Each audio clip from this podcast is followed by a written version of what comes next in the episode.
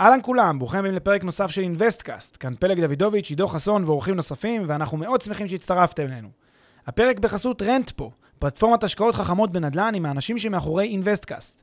רנטפו מאפשרת לכם להשקיע בשקיפות וביעילות בנכסים מניבים, תוך ליווי וניהול מוקפד ומקצועי מקצה לקצה. היכנסו ל-rentpo.com, חפשו השקעה שמעניינת אתכם ותאמו איתנו פגישה דיגיטלית. בנוסף, לפני שנתחיל, נזמין אתכם להצטרף לקהילת המאזינים של אינוויסטקאסט בפייסבוק. חפשו אינוויסטקאסט בשורת החיפוש והצטרפו לקהילה. ועכשיו לפרק נוסף של אינוויסטקאסט.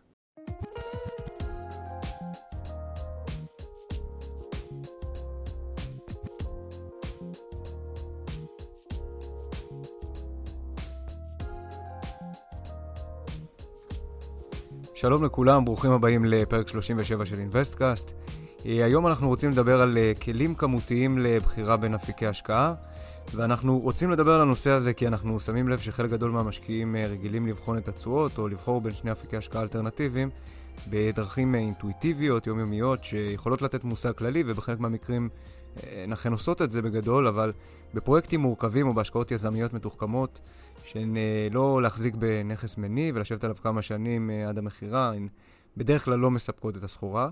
כלומר, לא מספיק לחלק את ההכנסה הפירותית השנתית הצפויה של הנכס מסך ההשקעה בתוספת הציפייה לעליית ערך, כדי להבין באמת כן, את טיב ההשקעה, או להצליח לעשות השוואה אמיתית בינה לבין השקעה אחרת.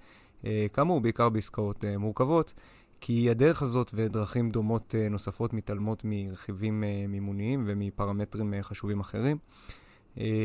אז היום אנחנו באמת רוצים לדבר על חמישה כלים. אה, שעוזרים לנו להבין את איכות ההשקעה בצורה מדויקת יותר, ולמעשה להעריך בצורה טובה יותר אה, איך ההשקעה צפויה להתנהג ביחס להשקעות אחרות, ומה התשואה שההשקעה צפויה להניב בהתחשב בפרמטרים שלפעמים אה, נסתרים מהעין הלא מקצועית. אנחנו נשתדל לעבוד כרגיל בצורה שיטתית, נציג את כל אחד מחמשת הכלים, ולגבי כל אחד מהם נסביר את הצורך, ואחר כך נסביר את הטכניקה, וניתן דוגמאות להמחשה. ונדבר על הבעיות והחסרונות של כל אחד מהכלים. אה, אבל טיפה לפני כן אנחנו כרגיל נזמין אתכם להצטרף לקהילת המאזינים של אינוויסטקאסט בפייסבוק, קהילה שצומחת לה אה, מיום ליום. אנחנו מעלים לקבוצה את הפרקים כשהם עולים לאוויר, אה, מדברים על חלק מהפרקים, ממחישים באמצעות אקסלים וטבלאות וכלים אחרים את מה שאנחנו מדברים עליו במסגרת הפודקאסט. וחוץ מזה, אה, זה המקום שלכם גם אה, לומר מה אתם חושבים על מה שנאמר פה, ולהתווכח ולהביע דעות שונות, ומה שאתם רוצים. אה, ניכנס לעניינים, פלג. בהחלט, לא חושב שהיה כל כך ארוך, היה בסדר, אני חושב. אז רק לפני שניכנס למושגים עצמם, אנחנו תמיד אומרים את זה, וחשוב גם להגיד את זה כאן, שתמיד המטרה של לשמה אנחנו בכלל אה, בודקים את הכלים האלה, היא כדי ליצור השוואה. מטרה של כלים, אה, כלים כמותיים, אה, היא ליצור השוואה שנוכל להשוות בין אפיקים, בין, קריטרי... בין בעצם קריטריונים אחידים, אובייקטיביים, שיעזרו לנו להחליט איזה השקעה טובה יותר מאשר השקעה אחרת. כמובן שהם לא מספיקים, זה גם אחד, הדבר, אחד הדברים שאנחנו נגיד כחוט השני לאורך כל הפרק, הם לא מספיקים אה, כשלעצמם הכלים האלה. צריך את כל הסיפור של ההשקעה, צריך כמובן את כל הדברים האחרים שאנחנו מדברים עליהם כשאנחנו מנתחים השקעות, אבל הכלים האלה הם uh, עוד uh, עזר שכדאי שיהיה לנו בארגז הכלים. לא רק כדאי, חובה שיהיה לנו בארגז הכלים כשמדובר בהשקעות יזמיות ובכל מיני... פעילויות שאנחנו נכנסים אליהן, בין כמשקיעים בין כיזמים, אלה דברים שחייבים להיות בארגז הכלים שלנו, שליזמים הם שם. ליזמים הם משתמשים בהם ברמה השוטפת, מן הסתם. אז גם אתם כאנשים שמשתתפים במיזמים, מישהו מכם שמשתתף במיזמים, מהצד של משקיע, לא יכול להיות שלא לא יעשה את זה גם. זאת אומרת, זה בסיסי ברמה שחובה שיהיה לכם את זה בארגז הכלים. שוב, במיוחד בהשקעות יזמיות, בנכסים מניבים אנחנו נסביר גם שזה קצת פחות אה, נדרש, אה, ויש קריטריונים אה, רגילים שאפשר להשתמש בהם, כן, יותר פשוטים שאפשר להשתמש בהם. אמ, אז זהו, זה, זה בגדול הרעיון. אה, מדובר בכלים כמותיים, וזה ה, זה הסיפור הזה. אה, נתחיל ב... כן, אז מה, למה בעצם הם עוזרים לנו להחליט? איך הם עוזרים לנו להחליט את הכלים האלה? כי הם בעצם אה, כלים אה, ש... כן, זו שאלה נכונה. העניין האובייקטיבי שהופך אותם לכלים טובים עבורנו, זה העובדה שהם כמותיים. כלומר, בסוף מתקבל איזשהו מספר. וכשמתקבל איזשהו מספר, אז אנחנו יכולים לשים, לשים את המספר הזה לצד מספר אחר שמתקבל בהשקעה אחרת. זה בעצם הרעיון. הרעיון הוא שיש לנו השקעה אחת עם מספר אחד, השקעה אחרת עם מספר אחר, ואז אנחנו יכולים להשוות ביתר קלות. אז uh, זה, זה דבר חשוב. עכשיו, עוד דבר שככה, לפני שעוד פעם נצלול לכלים, שצריך להגיד אותו.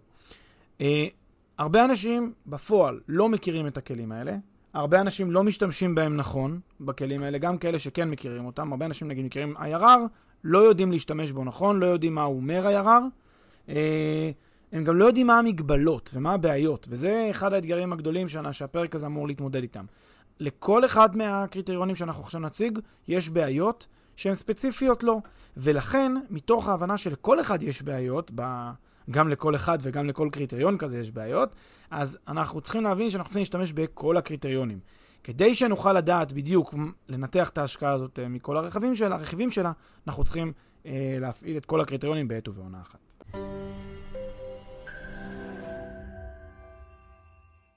לפני שנמשיך, כמה שניות מזמנכם. הפרק בחסות רנטפו, פלטפורמת השקעות חכמות בנדל"ן עם האנשים שמאחורי אינוויסטקאסט. רנטפו מאפשרת לכם להשקיע בשקיפות וביעילות בנכסים מניבים, תוך ליווי וניהול מוקפד ומקצועי מקצה לקצה. היכנסו ל-rentpo.com, חפשו השקעה שמעניינת אתכם ותאמו איתנו פגישה דיגיטלית.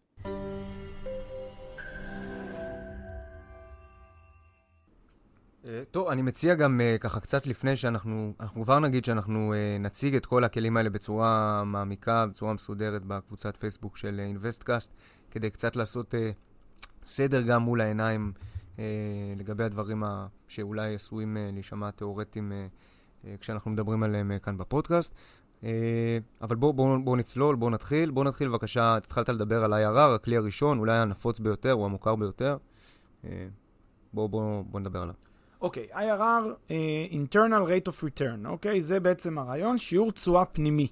Uh, כשאתם שומעים כל היום את המילה תשואה, תשואה, תשואה, לזה מתכוונים, ל-IRR בדרך כלל. Uh, אנחנו נראה עוד, עוד אחד, עוד קריטריון שנקרא ROE, נראה אותו בסוף, שגם הוא סוג של תשואה כשמדברים עליה. Uh, אבל ה-IRR הוא קצת יותר מתוחכם מה-ROE. Uh, באיזה מובן? Uh, ROE משתמש בהיוון. של כל ההכנסות שמתקבלות מהפרויקט, בהתחשב בהשקעה שכרוכה בו. ה-IRR, לא ה-IRR. IRR, כן, IRR. ה-ROE הוא משהו אחר, נגיד, נגיע אליו גם תכף. בעצם, מה שעושה IRR, אם נשים שנייה להבין את ההיגיון הכלכלי שמאחוריו, הוא לוקח את ההשקעה ב-day one, הוא לוקח את כל ההכנסות אה, או התקבולים, לא חשוב, שמתקבלים לאורך תקופת ההשקעה, והוא שואל מה אותה ריבית או מה אותה תשואה שבה אנחנו אדישים בין לשים את הכסף היום, לבין לקבל את התזרים הזה. מה יהפוך אותנו לאדישים? עכשיו שימו לב, אנשים יגידו, מה, IRR זה קריטריון לאדישים? לא, זה לא קריטריון לאדישים, הוא מראה לכם את אותה תשואה, שאם זאת התשואה שאתם יודעים להשיג אותה באפיקים אחרים, אז אתם אדישים. זה מה שזה בעצם אומר. זה אומר, נניח קיבלתם IRR של 8% באיזשהו פרויקט, מה זה אומר לכם? זה אומר לכם שאם אתם יודעים באפיקים אחרים לקבל 8%, אז אתם אדישים ביחס לפרויקט הזה, בהשוואה לפרויקטים האחרים. כלומר, הוא כבר בפנים מגלם איזושהי השוואה אלטרנטיבית. הוא מראה אה, את ה... מעצם התשואה שמתקבלת, הוא מאפשר לכם להשוות ביחס לפרויקטים אחרים שאתם מכירים, ביחס לשיעור ההון שאתם יודעים להפיק על הכסף שלכם. אוקיי, אז זה הכלכלה, זה לא, לא מאוד אה, אינטואיטיבי לרוב האנשים, אבל זה הכלכלה שעומדת מאחוריו. לא צריך לדעת ממש לעשות את זה, כי יש את, ה, את האקסל שתכף נסביר, אבל אה, זה, זה ההיגיון הכלכלי הבסיסי, כן? לפחות uh, במובן הזה. אז זה ההגדרה של IRR. נעשה כל, uh, כמו שעידו אמר בהתחלה, אנחנו נעשה לכל קריטריון הגדרה, צורך, טכניקה, דוגמאות ואת הבעיות שיש באותו קריטריון. אז דיברנו על ההגדרה, עכשיו בואו נעבור לדבר על הצורך. מה הצורך ב-IRR? אז אמרנו קודם תשואה, תשואה, כל מה שרוצה בן אדם לשמור בסוף זה מה התשואה שלו על ההשקעה. מעניין אותו לדעת מה המספר. אני חושב שזה overrated תשואה בהרבה מאוד מקרים. אה, אני לא אכנס לזה עכשיו. בקצרה אני רק אגיד שהרבה אנשים אוהבים להגיד, כן, אני עשיתי שמונה והוא עשה עשרה, אז אה, הוא עשה יותר טוב ממני, וזה כמו מעין, אה, למי יש יותר גדול. זה מעין השוואה כזאת. שאני לא חושב שהיא תמיד נכונה, במיוחד כשאנחנו מבינים את המגבלות של ה-IRR. היא לא תמיד נכונה, היא לא תמיד מדויקת, אבל אנשים אוהבים דבר ראשון לדבר רק עליה. אז, אז זה הצורך הראשון, היכולת להשוות ברמה הכי בסיסית בין ההצלחה של הפרויקטים, אה, על בסיס איזשהו נתון כמותי אה, פשוט. יתרון נוסף של ה-IRR זה שנותן לנו גם אינטואיציה לגבי רמת הסיכון. כי בדרך כלל ככל שהתשואה יותר גבוהה, אז יש גם יותר סיכון. ב-IRRים גבוהים, אז גם מטבע הדברים זה מגלם איזושהי רמת סיכון יותר גבוהה, לכן IRR נותן גם קשר בצורה יחסית גבוהה בין אה, רמת ה, אה, ה, כן, ההצלחה של הפרויקט לבין רמת הסיכון שכרוכה בו, לכן גם זה דבר שהוא יתרון של IRR. אז זה לגבי הצורך. עכשיו לגבי הטכניקה, איך אנחנו בעצם מחשבים את נוסחת ה-IRR? עכשיו, זאת נוסחה שקשה מאוד לחשב אותה אה, בכלים רגילים. אה, למעשה בלתי אפשרי לחשב אותה בדרכים הרגילות שאנחנו מכירים. למעשה אפילו המחשבון הפיננסי והמחשבון באקסל, כשהוא מחשב IRR הוא עושה איטרציות, הוא לא עושה תוצאה שפותרת את זה בצורה חד משמעית, הוא ייתן לכם קירוב, מספר מאוד מאוד מקורב ל-IRR, משום שזה אה, פעולה חישובית מאוד מאוד מורכבת על, על גבול הבלתי אפשרית בחלק מהמקרים, אה, ולכן מה שעושה המערכת היא כאילו מנסה לזרוק IRRים שיאפסו את המשוואה. זה, ה... זה הרעיון. עכשיו, אה, כן. ה-IRR הוא באמת נוסחה סופר סופר מורכבת, אבל בסוף בסוף, מה משתמש הקצה שרוצה לבדוק את ה-IRR, איזה פרמטרים הוא צריך להזין לאקסל כדי שהוא יעשה לו את החישוב הזה הקרוב, הכי קרוב לתוצאה האמיתית? מעולה, הוא צריך שני פרמטרים. אחד, את ההיקף השקעה ש... שיש בהשקעה הזאת, ושתיים, זה את התזרימי מזומנים או את ההכנסה נטו שלו לאורך תקופת ההשקעה. והוא צריך לפרוס את זה יפה במין טבלה כזאת לאורך השנים. זאת אומרת, צריך לרשום שנה ראשונה, day one, בדרך כלל קוראים לזה t שווה 0, זמן שווה 0, אני שם במינוס את ההשקעה שלי, ואז בפלוס כל תזרים לאורך התקופה. לפי שנים, אם יש שנה שאין לי תזרים, אני רושם 0. ככה אני יכול לעשות בעצם על פני שנים בלתי מוגבלות כמה שצריך לפי מגבלת האקסל. ואני שם את זה באקסל. עכשיו, אנחנו נראה באינבסטקאסט את הנוסחה שדרכה עושים את החישוב של ה-IRR. לא צריך, אה, אה, לא צריך אה, לעשות את זה לבד, אנחנו נספק את זה, מעין מחשבון IRR אוטומטי. תוכלו להיכנס לשם, להזין לכל עסקה שלכם. אנחנו נשים רובריקות מסודרות, תוכלו לראות את זה ל-IRR. כדאי מאוד להיכנס לקבוצה שלנו, לקהילה, ואנחנו נעלה את זה אחרי הפרק. זה בגדול הרעיון. נעבור לדוגמאות על כן. הערה? קדימה. לתת אינטואיציה גם, הדוגמאות האלה נועדו כדי להראות לנו אינטואיציה למה תהיה התוצאה. אז אם יש לי פרויקט שההשקעה בו היא 100, הוא מניב בשנה הראשונה 30, בשנה הראש... השנייה 40, ובשנה השלישית 50. נותן IRR של 9% לשנה. עכשיו שימו לב שאני אה, בכוונה פרסתי את זה 30, 40, 50, שתראו שיש, אה, ה-IRR מאפשר לא רק מה שהרבה פעמים מסתכלים עליו כ payment, יש נוסחאות בכלכלה במימון, שזה נוסחאות payment, שאומר אתה מקבע מין כזה תשלום קבוע ו- ויציב, כמו שעושים בשכר דירה למשל. פה לא, ה-IRR יכול לספוג לא רק נוסחאות של payment uh, קבוע, אלא גם uh, תשלומים ותקבולים משתנים לאורך התקופה. Uh, לכן זו נוסחה מאוד נוחה ופשוטה לשימוש.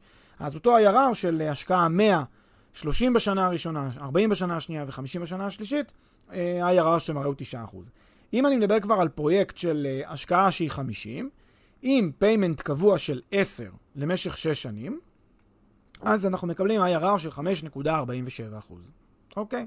אז 50 השקעה, 10 כל שנה למשך 6 שנים, נקבל 5.5% בערך. זה לגבי הדוגמאות. בקצרה לתת רק את האינטואיציה.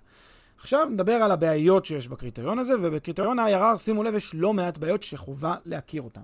הבעיה המרכזית מתגלית כשאנחנו מסתכלים למשל על הדוגמה הבאה.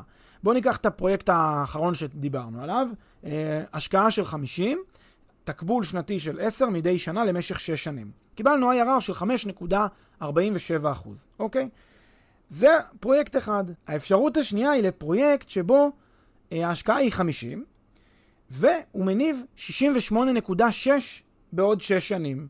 זאת אומרת, אני לא מקבל 10 מדי שנה, אלא אני מקבל פשוט 68.6 אחרי אה, 6 שנים. מה יהיה התשואה במקרה כזה? גם כן 5.47%. זאת אומרת, באפיק הראשון היה לי 5.47%, באפיק השני היה לי 5.47%. אבל מה הקשר בין שני האפיקים? כלום. אין קשר בין שני האפיקים. אחד זה אפיק מניב, השני זה אפיק יזמי. והנה ראיתם את הרגישות של ה-IRR, הוא לא רגיש לאותה, כן, את הבעיה שיש, את הנקודת התורפה של ה-IRR, הוא לא רגיש אה, לשאלה אם זה נכס מניב או שזה, או שזה עסקה יזמית. שניהם, בשני המקרים הוא יראה לי את זה כאותה תשואה. אז אה, הנה חיסרון שצריך להכיר אותו. אה,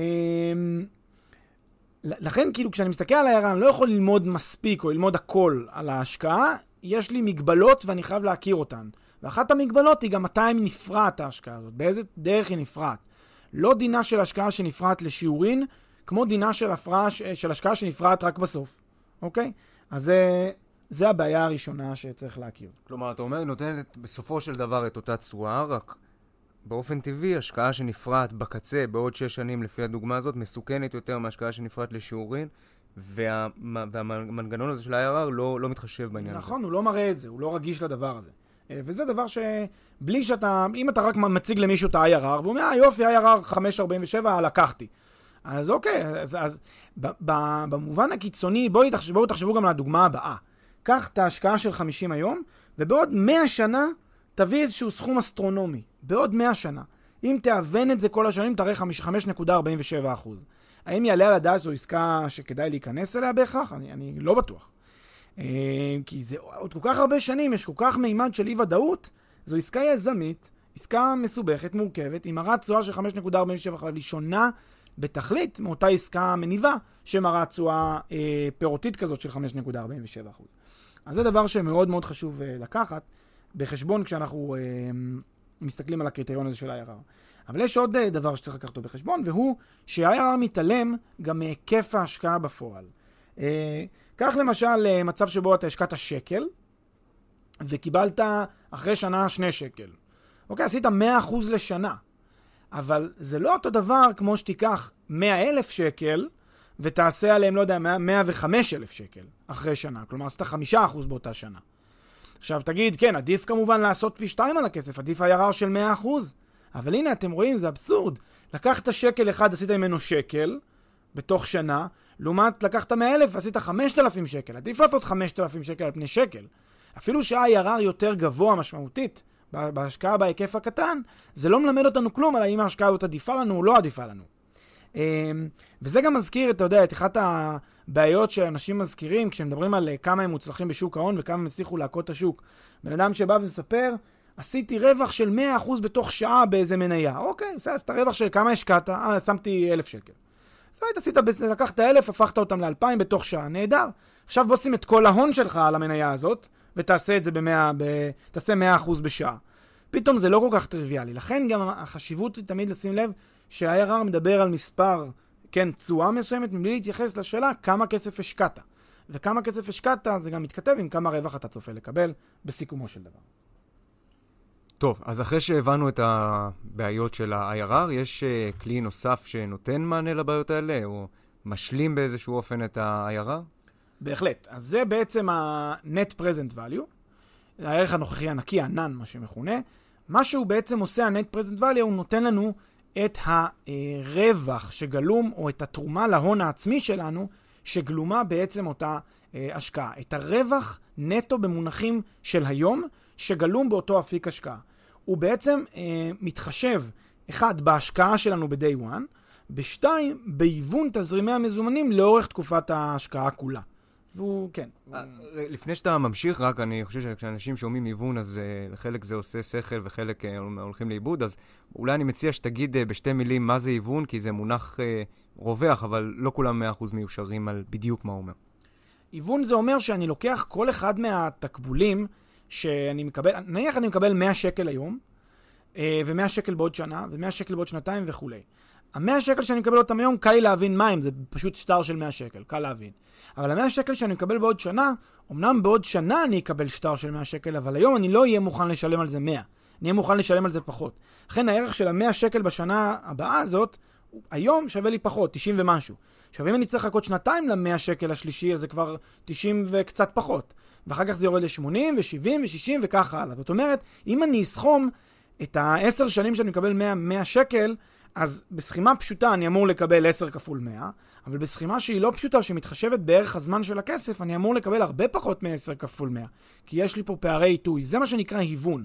להביא למונחי זמן של הווה כל אחד מהתשלומים או התקבולים שיש כאן, ולחשב אותם לפי הערך הנוכחי שלהם. זה מה שעושה בדיוק נוסחת הענן, היא עושה ערך נוכחי נקי.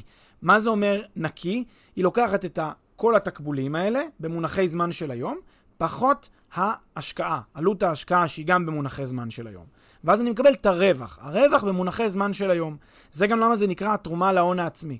אם אני משפחה שיש לה הון עצמי של חצי מיליון שקל, לצורך העניין, או, או שני מיליון שקל, ואני עכשיו רוצה להיכנס להשקעה שעולה חצי מיליון שקל, אני צריך לשאול מה התרומה להון העצמי של אותם חצי מיליון שקל. אני יודע שאם יש לי היום שני מיליון שקל הון עצמי, נניח, ואני צריך לקנות נכס שעולה חצי מיליון שקל, אז בסך הכל זה שאני מוציא את הכסף, אני העברתי מכיס לכיס. במקום שיהיה לי חצי מיליון שקל בבנק, יש לי חצי מיליון שקל שתקוע בנכס.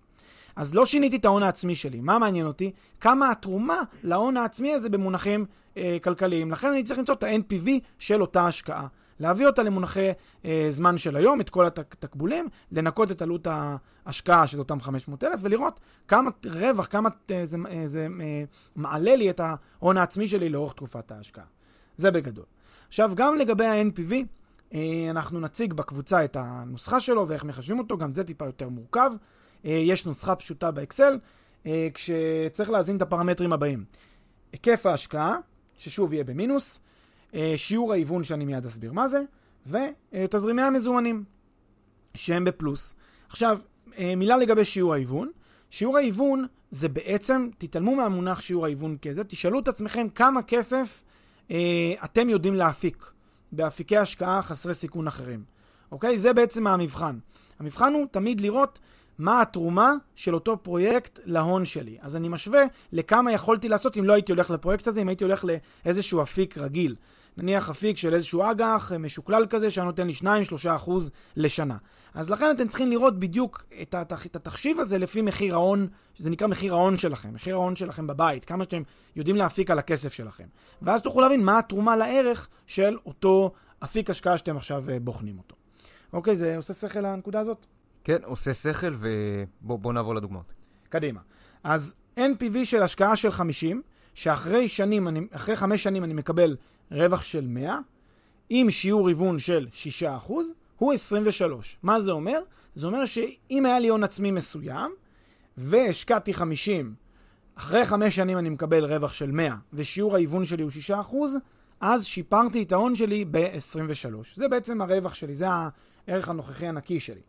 אה, אותו דבר, אם לקחתי השקעה של 1,000, הכנסה שנתית של 150 למשך 10 שנים בשיעור היוון של 6%, אז ה-NPV הוא 994. הגדלתי את ההון שלי ב-994. אה, אם אני משנה את שיעור ההיוון ל-8%, במקום 6%, אז ההכנסה השנתית שלי תגדל ב-885. גם יש לזה אינטואיציה ברורה. הגדלתי את שיעור ההיוון, אז האלטרנטיבית, יכולתי להפיק יותר במקום אחר, לכן התועלת של זה עבורי, ההשקעה הזאת, היא קצת יותר נמוכה. היא רק 885. אם אני מקטין את שיעור ההיוון ל-3%, אז ה-NPV כבר גדל דרמטית ל-1193. אוקיי, אז זה בגדול הרעיון אה, שעומד מאחורי ה... ות, ותגיד, ה-NPV גם יכול להיות שלילי? לצאת כן, שלילי? כן, אוקיי. בהחלט, בהחלט. NPV יכול להיות גם שלילי. אה, בואו ניקח דוגמה של השקעה של 100, אה, מכניסה במשך 5 שנים 20, ויש שיעור היוון של 6%. אז נקבל פה NPV שלילי של 14. למה זה קורה?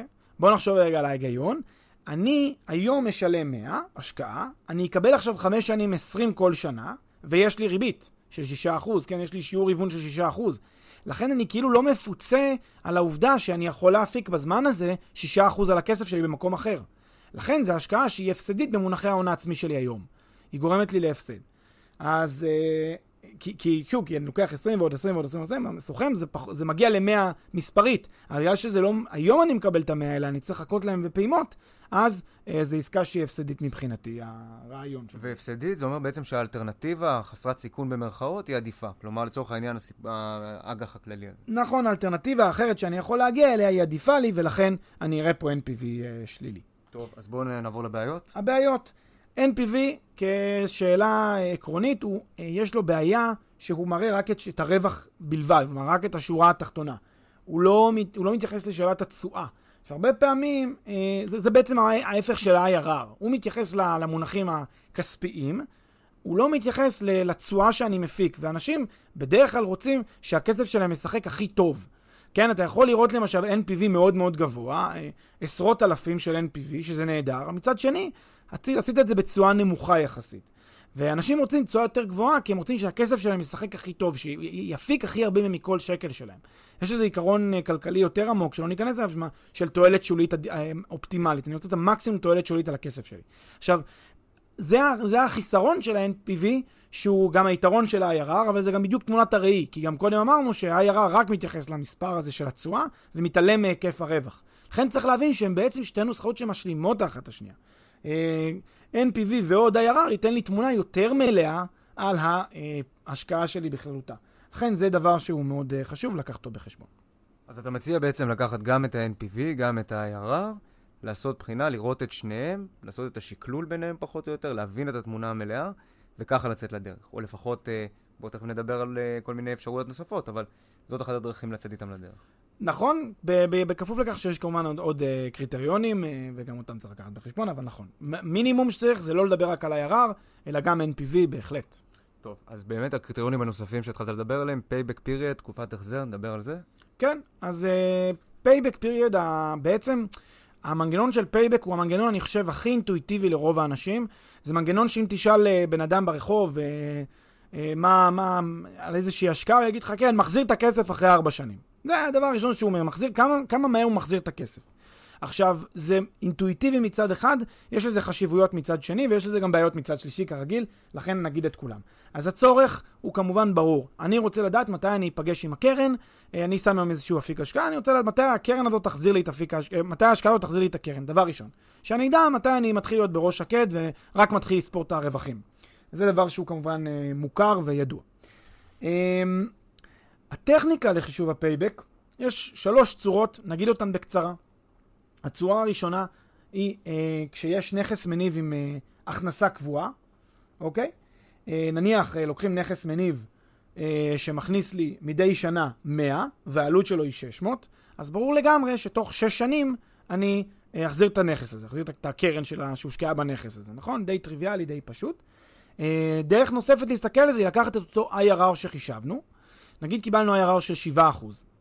IRR של 7%, אם זה נכס מניב, זה שנכס מניב קבוע שמראה לי כל שנה 7% IRR, זה, זה בעצם מה שזה מלמד אותי שההחזר של הקרן ייעשה תוך 14-15 שנים. בסדר? זה מה שאומר פה הגלום בעובדה שזה 7%. 7% לשנה, אז אני נחשבו קרן של 100, אז כל שנה אני אקבל 7, 7, 7, ככה לאורך אה, שנים. ואז אה, נניח שגם בסוף אני אקבל 107 כדי שבאמת נקבל 7% IRR, אז ב, בשנים עד שייקח לי להגיע ל-100, אה, זה בדיוק לקחת, זה כמו לקחת אה, 1 לחלק ל-7%. זה ייקח אה, 14-15 שנה להיפגש עם הקרן בחזרה, אפילו שבהמשך אני אמשיך אה, לקבל עוד אה, הכנסות של 7 שיתחילו לתת לי כבר רווח אה, מעבר לקרן כמובן. והדרך השלישית, ואולי הכי אינטואיטיבית, היא פשוט לראות פשוט להשוות, כן? לקחת את ההשקעה ולראות באיזה שלב אני מקבל מזומן שעולה על ההשקעה, כן? לאורך התקופה, אני, באיזה שלב אני כבר אתחיל לעבור את, את קרן ההשקעה, אה, די פשוט, די טריוויאלי. אוקיי, זה דרך, זה השלוש צורות הבסיסיות.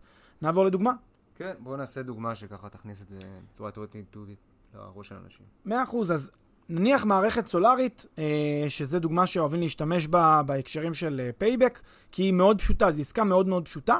עם payback uh, כמעט ידוע מראש. נניח המערכת הזאת מכניסה 100,000 שקל בשנה, ועולה 700,000 שקל uh, להקמה. אז המערכת הזאת תוך 7 שנים תחזיר את עצמה. כמובן שאתה לא משקיע בשביל להחזיר את הקרן. אגב, זו נקודה חשובה לגבי payback. אתה לא, אתה לא משקיע כדי להחזיר את הקרן, אתה רוצה להרוויח. אתה פשוט שואל מתי אני אתחיל כבר להרוויח. אז אני אתחיל להרוויח החל מהשנה השביעית ואילך. בסדר? כמובן אני מפשט את זה מאוד, יש כאן היבטי מימון, אני לא נכנסתי אליהם, אבל בגדול אני מפשט את זה מאוד כדי להראות רק את האינטואיציה.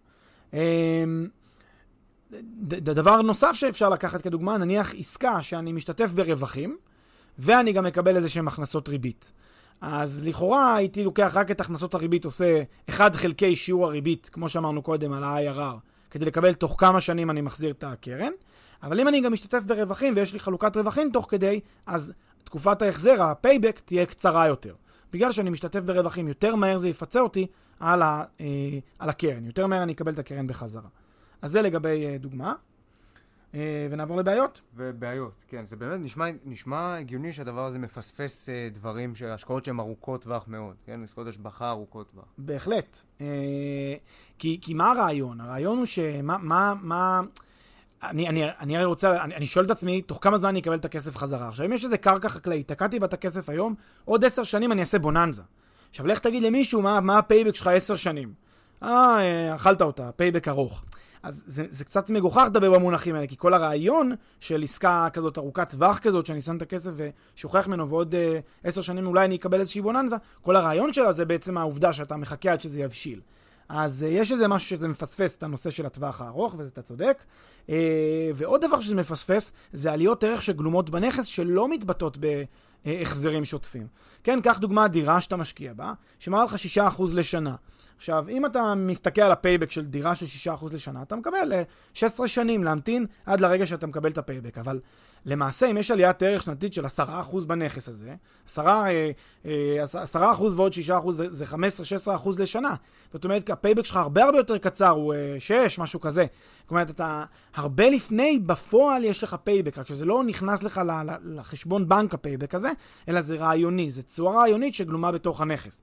לכן נוסחת ה payback מפספסת את העובדה שיש אה, עליות ערך, השבחות, פעולות שלא מתבטאות במתי אתה מקבל פיזית את הכסף חזרה בחשבון הבנק, ואלה גם הבעיות שלה. כלומר, בגלל שרק הפירות שלך נכנסים לך תכלס לכיס, ועליית הערך היא עד שלב המימוש, תאורטית, לכאורה, אז הנוסחה הזאת לא מקבל, לא מזינים לה את הנתונים האלה, ולכן היא לא רואה את זה. זה זאת הנקודה? זאת הנקודה, בהחלט. סבבה. טוב, אז uh, נעבור ל, לכלי הבא, ל-DCF, היוון uh, תזרים המזומנים. קדימה. Discounted Cash Flow, היוון תזרימי המזומנים. הרעיון של הקריטריון הזה הוא די דומה ל-NPV, רק שהוא לא מדבר איתי על הרווח. הוא מדבר איתי בעצם על מה המונחים הכספיים, המונחים הנוכחיים, כן, הערך הנוכחי, של הכספים שאני אמור לקבל לאורך תקופת ההשקעה. אני רוצה לדעת מה ההכנסה, כאילו ההכנסה או התזרים שלי נטו במונחי זמן של היום, לאורך כל תקופת ההשקעה, אוקיי? אמ, מה, מה ההבדל בין זה לבין ה-NPV? כי שניהם קצת היוו. אה, הם דומים, שני... כי, כי ה-NPV, הם בעצם אותו דבר, הם בעצם אותו, אותו רעיון, רק שה-NPV אני עושה עוד פעולה. אני מחסיר גם את היקף ההשקעה. אבל ב-DCF אני לא מחסיר את היקף ההשקעה, כי אני רוצה לראות מה ה, בעצם הפירות של ההשקעה הזאת לאורך השנים במונחי זמן של היום. תחשוב שזה מאפשר לי, בהתעלם מהיקף ההשקעה, לראות מה, להשוות איפה אני אקבל יותר כסף ואיפה אני אקבל פחות כסף, בין שתי השקעות. איפה ייכנס לי יותר ואיפה ייכנס לי פחות מבין שתי השקעות, כשמה שמעניין אותי זה כמה כסף ייכנס לי בסוף לחשבון הבנק. בלי שום קשר להיקף ההשקעה המקורי. בלי שום קשר להיקף ההשקעה המקורי. כי אני רוצה לדעת בסופו של דבר כמה כסף ייכנס לי לחשבון הבנק, מה ייתן לי יותר? נניח, אנחנו... כאילו, מה ייתן לך יותר? נומינלית, לא ביחס להשקעה המקורית שלך. להפך, לא נומינלי, דווקא אה, מהוון. נומינלי זה אומר במונחים כן, כספיים. התזרים, כמה, האם התזרים יהיה גדול יותר או גדול קטן, בלי שום קשר לשאלה אם ההשקעה המקורית הייתה גדולה יותר או קטנה יותר. בדיוק, כן. נכון. להתעלם מרכיב ההשקעה ולראות כמה נכנס לי יותר במונחי זמן של היום. עכשיו, אה, הטכניקה היא מאוד uh, פשוטה, וגם היא צריך את, את האקסל, וגם עליה ניתן נוסחה בקבוצה, אבל היא מאוד פשוטה, היא פשוט היוון של כל אחד מהתזרימי מזומנים שיש לי לאורך תקופת ההשקעה, לפי שיעור ההיוון הספציפי שלו, לפי בעצם ה, ה, אה, התקופה, המועד שבו הוא מתקבל. למשל, אם יש לי תזרים של 100 מדי שנה למשך 5 שנים, בשיעור היוון של 5%, אז התזרים הזה שווה 432. אוקיי? אז זה אומר ש... אה, אה, בעצם אין לי כאן אה, 100 כפול 5, אה, 500, יש לי פה רק 432, וזה גם הגיוני, יש כאן איזשהו שיעור היוון שמקטין את ה-500 האלה, וזה מגיע ל-432. אה, נניח אני לוקח אה, שיעור היוון של 6%, מסתכל על תזרים של 100, 200, 300, 400 ו-500 למשך 5 שנים, הדבר הזה, התזרים הזה ייתן לי אה, DCF של 1,151. זה כמות הכסף שכאילו נכנסת לי לכיס, אבל לא במונחים של נומינלים כספיים, אלא במונחים של ערך נוכחי. כלומר, קצת לעשות סדר, אם אתה סוכם 100 ועוד 200 ועוד 300 ועוד 400 ועוד 500, יוצא לך 1,500, אבל למעשה בהתחשב בעובדה שהסכום הזה לא מתקבל היום, כלומר, בהתחשב בשיעור ההיוון, אנחנו מדברים למעשה על פחות, כלומר, לא על 1,500, אלא על, לא יודע, 1,100 או 1,200. בהתחשב בשיעור כן. ההיוון שלי, בהנחה שהכסף שלי יודע כן לשחק ולהפיק עליו ערך, אבל הנקודה היא שאני מקבל איזושהי, אני נותן ביטוי לעובדה שהכסף לא מתקבל היום, ולכן זה מקטין לי את ה-1,500, אוקיי? זה בעצם הרעיון, זה, זה, זה למה זה קריטריון שהוא חשוב, כי הוא מראה לי בעצם אה, כמה, אה, כמה הכנסה אני מפיק מאיזשהו אפיק אה, השקעה, בהתחשב במועד שבה אני מקבל אותה. אה, אבל עדיין יש עם זה בעיות מסוימות באותו קריטריון. וזה כמובן שזה מתעלם מהיקף ההשקעה, בדיוק מה שדיברנו אה, שלמה NPV מאוד נחוץ. הוא מתעלם מהיקף ההשקעה, הוא לא מלמד אותי אם השקעה היא כדאית בפני עצמה או לא, כמו שעושה ה-NPV, כמו שראינו קודם, השקעה שהיא, NPV שהוא שלילי, זו השקעה שהיא לא כדאית מטבע הדברים. ה-DCF לא מראה לי את זה, הוא לא מראה לי בהתחשב בהיקף ההשקעה, הוא מראה לי רק את ההכנסה. זה כמו, זה כמו להגיד, אה, יש חברה עם המון המון הכנסות. זה לא מספיק, אתה רוצה להבין גם יש לה הוצאות, כי אתה רוצה להבין אם החברה רווחית או לא רווחית. ודרך אגב, משהו חשוב שאולי הערת אגב, שתסביר לכם גם למה הרבה אנשים משתמשים ב-DCF ומתעלמים מ-NPV בכל מיני היבטים. בתמחור חברות, DCF הוא הרבה הרבה יותר עוצמתי. תדעו לכם שהרבה מעריכי שווי של חברות מתעלמים בכוונת מכוון מסעיף ההוצאות, הם בגישה שהוצאות זה דבר שאפשר להקטין, דבר שאפשר לייעל, אפשר לעשות אופטימיזציה להוצאות, אבל הכנסות מלמדות אותם הרבה יותר על שווי החברה. לכן DCF בעולם של מימון חברות, בעולם של חברות בכלל, חישוב שווי חברות, הוא, הוא כלי מאוד, אה, מאוד אה, אה, חשוב והכרחי. לכן גם בהשקעות אחרות שאתם מבצעים, ה-DCF יש לו ערך חשוב, הוא מלמד אתכם איזה השקעה היא השקעה שגלום בה יותר פוטנציאל, בהתעלם רגע מההוצאות. אתה אומר הוצאות, יאללה, אלוהים גדול, נחשוב על זה בזמן אמת וננסה לעשות אופטימיזציה. כמובן, שוב, אי אפשר רק את ה-DCF, צריך להסתכל על כל הקריטריונים, צריך להחליט על בסיסם ולראות מה עולה על פני מה, וכמובן להחליט ככה. אז זה בגדול, אה, אה, זה, זה בגדול הרעיון. אה, ואני רוצה אבל כן להציג איזושהי בעיה נוספת, או... כן, בעיה ש, שחשוב שאנשים ישימו לב אליה. הרבה אנשים נוטים להסתכל על, על המספר הזה של ההכנסה במונחים לא כלכליים, במונחים כאלה טכניים, מספריים. כן, אני אמור לקבל אלף מההשקעה הזאת. לא מסתכלים על מתי אתה תקבל את ההשקעה הזאת. קחו דוגמה לתזרים של 500. אני אמור לקבל מתישהו בעתיד 500 שקל. עכשיו, אם אני מקבל את ה-500 שקל, נניח שיעור ההיוון הוא 7%, גם שנעשה את זה אה, בכוונה גבוה. אם אני אמור לקבל את ה-500 שקל האלה היום, זה שווה לי 500 שקל. אם אני אמור לקבל את זה בעוד שנה, זה שווה לי 436. אחרי שנתיים, 408. אחרי שלוש, 381. אחרי ארבע, 356. ואחרי שמונה שנים זה 272. שימו לב איך ה-500 האלה קטנים, ככל שאני מתרחק. אני אלך וישאף לאפס, זה יקטן עד לאפס כמעט. ה-500, זה כבר לא יהיה לזה שווי. 500 שקל שאני אקבל בעוד, 10, בעוד 20 שנה, לפי שיעור היוון כזה, כבר יהיו מסכום מגוחך. ולכן, זה שבן אדם אומר לך, כן, אני אמור לקבל 500, לא מספיק, לא מספר לי שום דבר. אתה צריך להגיד לי מתי אתה מקבל אותו, מה שיעור ההיוון, וככה להבין בדיוק אה, כמה שווה הדבר הזה אה, עבורך, והאם זה עסקה טובה או לא. וזה באמת מתקשר קצת ל-payback period שדיברנו עליו קודם. כן, בהחלט, זה מתקשר ל-payback period, ובהקשר של... אה, רק ש payback בכל זאת מסתכל על הנומינלית במובן מסוים, הוא לא מסתכל על המונחים הערך הנוכחי של, ה, של ההשקעה, אלא רק נומינלית. כי ב payback זה עניין פסיכולוגי יותר, זה מין קריטריון פסיכולוגי של לראות, שמתי קרן של 100, והחזרתי את המאה האלה חזרה, לא בערך נוכחי. אבל בדיוק בגלל זה אני חושב שכל החמש פרמטרים האלה, ויש עוד פרמטרים, הם, אה, או חמש, חמישה כלים האלה, הם באיזשהו אופן משלימים אחד את השני, וצריך כדי לראות את התמונה הכוללת באמת להשתמש בכולם. כי שוב, פה חסר את הרכיב של ה payback, כי זה לא מסתכל על אורך ההשקעה, וב payback זה לא מתייחס לערכים מהוונים של אה, ערך הזמן של הכסף היום. ובאמת הם קשורים אה, אחד לשני. אה, ובשלב הזה, אה, אני חושב כן, שסוכם ה-DCF, נכון? אז גם קשרנו את זה קצת לפייבק וגם קשרנו את זה קצת ל-NPV, כי הם שניהם מתייחסים לערכים מובנים. אז בואו נעשה rewind קצת ל-IRR שדיברנו עליו קודם, וננסה לקשור אליו את הכלי הבא, ROE. ROE, Return on Equity, שזה בעצם שיעור התשואה על ההון. זה גם מונח שהרבה אנשים מכירים, אף אחד לא כל כך יודע להשתמש בו מבין הרבה אנשים שמדברים על זה. אמ, אבל זה מונח אה, חשוב, גם הוא, חשוב, גם הוא נובע מתוך אה, הערכת שווי חברות, והוא רלוונטי במיוחד כשיש עסקת אה, מימון. ROE זה בעצם איזשהו סוג של ממוצע משוקלל של, של התשואה שאני מפיק על ההשקעה הזאת לאורך השנים. מה הוא עושה? הוא לוקח בעצם את ההכנסה נטו שלי, ומחלק אותה בהיקף ההשקעה, באקוויטי שהושקע בפרויקט. ואז הוא נותן לי איזושהי, כן, הערכה כללית גסה כלל אצבע בנוגע לה, להשקעה הזאת על פני השקעה אחרת. אה, ROE רלוונטי מאוד, במיוחד לנכסים מניבים, שקל מאוד לחשב אצלם את ה-ROE, אה, שכמעט ואין אה, בעיות שקשורות ל-IRR, כי בדרך כלל אתה נפגש עם תשואה או מיד, או תוך שנה, שנה וחצי, שנתיים, זה יחסית לא משפיע דרמטית על התשואה, לעומת... כן, אה, כשאתה מדבר על, אה, אה, במיוחד בתשואות של נכסים מניבים, כן, זה לא תשואות של 100%, ששנה, שנתיים זה משפיע דרמטית, יכול להוריד ב-50% את התשואה. אז ROE מתאים להשקעות מהסוג הזה, ומה שעוד מאפיין נכסים מניבים זה שהם המשכים, יש להם לאורך זמן. כשאתה מסתכל על אורך זמן רחב, כל העלויות ופערי הזמן ופערי העיתוי, יש להם, כן, השפעה שולית הולכת ופוחתת. זאת אומרת, אתה פחות תרגיש אותם. אם זה נכס מניב, אתה מקבל שכר דירה של, לא יודע מה, 2,500 אה, שקל בחודש, אתה מקבל אותו עכשיו לנצח.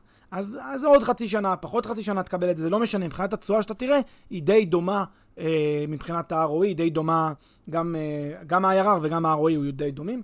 לכן, ROE רלוונטי במיוחד לנכסים מניבים. אה, לא רק משתמשים בו שם, משתמשים בו גם בחברות וגם בנכסים אה, יזמיים, או בהשקעות יזמיות. ולכן אלה שמשתמשים בו בהשקעות יזמיות חייבים להבין את המגבלות שלו, וחייבים להבין שהוא ממוצע גס, והוא לא מספיק טוב. לא נכון לקחת, אה, כן, אה, עסקה יזמית שבה אני אמור לקבל 100 בעוד שנה, או בעוד אה, 5 שנים, והשקעתי היום אה, אה, 100, ולהגיד יש לי 100% על ההון. לא, זה לא עובד ככה, צריך בשביל זה להפעיל את ה-IRR, ואז אתה מגלה שממש אין לך 100% על ההון. אה, אתה תקבל שיעור תשואה הרבה יותר נמוך, במיוחד כשהמאה רווח שלך מגיעים רק בעוד הרבה שנים. אז אה, זה בגדול הרעיון. הטכניקה של ה-ROE היא פשוטה לחלוטין. אנחנו לוקחים את ההכנסה נטו הממוצעת ומחלקים אותה באקוויטי, בהון העצמי. אה, למשל, אם אני אקח השקעה של 100, עם הכנסה שנתית של 6, ה-ROE שלי יהיה 6%. זה הגיוני. אם יש לי השקעה של 200 והכנסה שנתית של 40, אה, אז ה-ROE יהיה 20 וכך הלאה. עכשיו, אם ההכנסה שלי משתנה לאורך התקופה, כדאי לעשות אה, ממוצע משוקלל של ההכנסות. נגיד יש לי 10 בשנה אחת, 20 בשנה שנייה, אז אני עדיף לעשות 15, ואז לעשות 15 חלקי, נניח האקוויטי שהוא ה-100, ולקבל 15% ROE. זה בגדול הרעיון. עכשיו, ה-ROE יש לו תפקיד, אמרנו, בהקשר של מינוף. כשיש מינוף ומימון שנכנסים לתמונה, ROE נותן לי אינטואיציה מאוד טובה לגבי אה, שיעור התשואה שכל רכיב עשה. למשל, בואו ניקח דוגמה, אה, השקעה של 100, לקחתי 70 מימון מהבנק, בריבית של 5%. אה, אם לקחתי 70 מהבנק וההשקעה היא 100, אז אני צריך להביא מהבית 30. ההכנסה של כל ההשקעה היא 8% לשנה. בסדר? 8% מתוך ה-100, זה ההכנסה. עכשיו, אה, זה אומר שהתשואה של כל ההשקעה, ה-ROE הכולל, היא 8%. זה מה שזה אומר, מתוך ה-100. מה ה-ROE של רכיב המימון? ה-ROE של רכיב המימון זה אותה ריבית שאני משלם לבנק, זה אותם 5%. זה ה-ROE שרואה הבנק. עכשיו שימו לב, בגלל שכל ההשקעה היא 8%, אני משלם לבנק 5% בלבד, אז סביר שהרכיב שלי יותר גבוה מאשר 8%, כן? זה הגיוני, כי אני משלם פחות מ-8% לשותף, שזה הבנק. לכן לי יש יותר בחלק שלי, בחלק של האקוויטי, של הון הבעלים. אז איך אני מחשב את החלק שלי? אני רוצה לחשב את ההכנסה נטו. אז אני לוקח את ההכנסה שזה 8, 8% מה-100, אני מפחית את הוצאות המימון. מה זה הוצאות המימון? זה אותם 5% מתוך 70. ההלוואה שלי היא 70, 5% זה הריבית, אז אני משלם 3.5 אה, לשנה. אז יש לי הכנסה של 8, 3.5 הוצאות מימון, נשאר לי 4.5 הכנסה נטו, אוקיי? ונטו אחרי מימון, מה שנקרא. וזה אומר שיש לי ארבעה וחצי הכנסה נטו אחרי מימון לשנה. אוקיי? את זה אני מחלק בהון. לא בכל המאה, בהון שלי. ההון שלי זה 30, אז מקבל 4.5 חלקי 30, שזה שווה ל-15%. ואז ההיגיון אומר, יש לי, ה-ROE של כל הפרויקט הוא 8, ה-ROE של הבנק 5, זה שיעור הריבית, ה-ROE שלי זה 15. באמת תראו שהמשקלות, כן, המש, המשקל שהבנק זה 70% בריבית של 5, 30% בריבית של 15, ייתנו לכם ריבית משוקללת של 8. זה המשמעות של ROE, הוא משוקלל. משקלל את כל התשואות, את כל ה-ROEים ואת כל הרכיבים של כל אחד מהמשקיעים בפרויקט. כן, יש לי, ויש לזה גם בעיות כמובן ל-ROE. אמ, ובאמת קודם התחלת, כלומר, עצם העובדה שהוא יחסית פשוט, זה בדיוק מה שמעורר את הבעיה שלו, שהוא יחסית גס. בדיוק. עובדה שאנחנו פשוט לוקחים איזושהי אה, הכנסה ומחלקים אותה בהון שהושקע, נותנת לנו חישוב גס ללא התייחסות ל, לערך הזמן של הכסף, אה, התייחסות כללית כזאת, עושים ממוצע כזה משוקלל, לא לוקחים הרבה רכיבים בחשבון. לכן ROE הוא טוב לאינטואיציה. אה, הוא טוב כי הוא פשוט, הוא יעיל בפגישות, כל הזמן אנשים עושים בראש ROE. כל הזמן. כי זה הכי קל להסביר ROI, לא צריך להתחיל לעשות אקסלים עכשיו וחישובים כדי להסביר לאנשים את האינטואיציה. כמובן שכשאתם עושים את, ה, את ההחלטת השקעה, אתם חייבים שוב, אנחנו עושים על זה, לעשות את כל הקריטריונים אה, בזה אחר זה, ולא להסתפק רק באחד. אוקיי, okay, אז uh, אחרי שדיברנו על uh, IRR ועל uh, ROE ועל uh, Payback Period ועל uh, DCF, uh, ומה, איך, איך אתה מציע לתכלל את כל הסיפור הזה ו, כן, ו, ולבדוק השקעה, בעיקר השקעה מורכבת באמצעות כל הכלים האלה? אני חושב שהדבר הנכון לעשות הוא כל השקעה, לקחת את, הכל... לקחת את כל, ה... כמובן, כל מה שאנחנו רואים תמיד על איך מנתחים השקעה באופן כללי, את כל הפרק הזה חייבים לעבור. עכשיו, בסוף, לקחת את הקריטריונים האלה שדיברנו, ולבדוק אותם. המטרה היא בגדול להבין את, ה, את הכלכלה שמאחורי ההשקעה, לשחק עם המספרים, זה מאוד מאוד חשוב. אתם יודעים, בשיעורי מימון, אה, ואחד הדברים שכן, כל היום אה, עושה פיננסייר, בן אדם שמתעסק במימון, זה משחק עם המספרים, רואה מה ההשפעה של זה ומה ההשפעה של זה. זה נותן אינטואיציה מאוד מאוד חשובה. לכן באקסלים שאנחנו מעלים, תשחקו עם המספרים, תראו איך זה משנה. תראו איך, אם אתם לוקחים למשל השקעה של 100, אחרי שנה אני מקבל 200, או אחרי 10 שנים אני מקבל 200, תראו איך זה משנה דרמטית את התשואה, תראו כמה זה משפיע על ה-IRR למשל. ותבינו את המשמעות הכלכלית של עיכובים. הנה, הנה דוגמה נגיד חשובה שכן אנשים לא לוקחים אותה בחשבון. קח דוגמה מצב שבו יש לך פרויקט יזמי, שאתה אמור לקבל אה, איזושהי, איזשהו תקבול בעוד חמש שנים. עכשיו, אנשים אומרים, טוב, מקסימום יהיה עיכוב של שנה-שנתיים, לא סיפור, נכון? כאילו שנה-שנתיים עיכוב. לא, שנה-שנתיים עיכוב הופך את התשואה שלכם, יכולה להפוך אותה מ-10% ל-5%. ופתאום הפכתם עסקה שהיא יזמית לעסקה שהיא במקרה הטוב מניבה, מקפחת מאוד מאוד מאוד.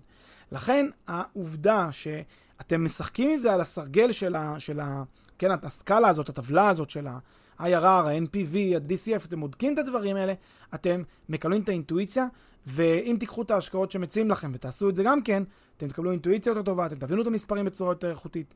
ויהיה לכם אה, באמת הבנה מעמיקה יותר של המודלים ושל כל הנפקויות שלהם. טוב, אז כמו שהבטחנו את הכלים, אנחנו נשים uh, בקבוצה שלנו בפייסבוק uh, uh, באינבסטקאסט. Uh, וזהו, תודה רבה, פלא. תודה רבה, עידו.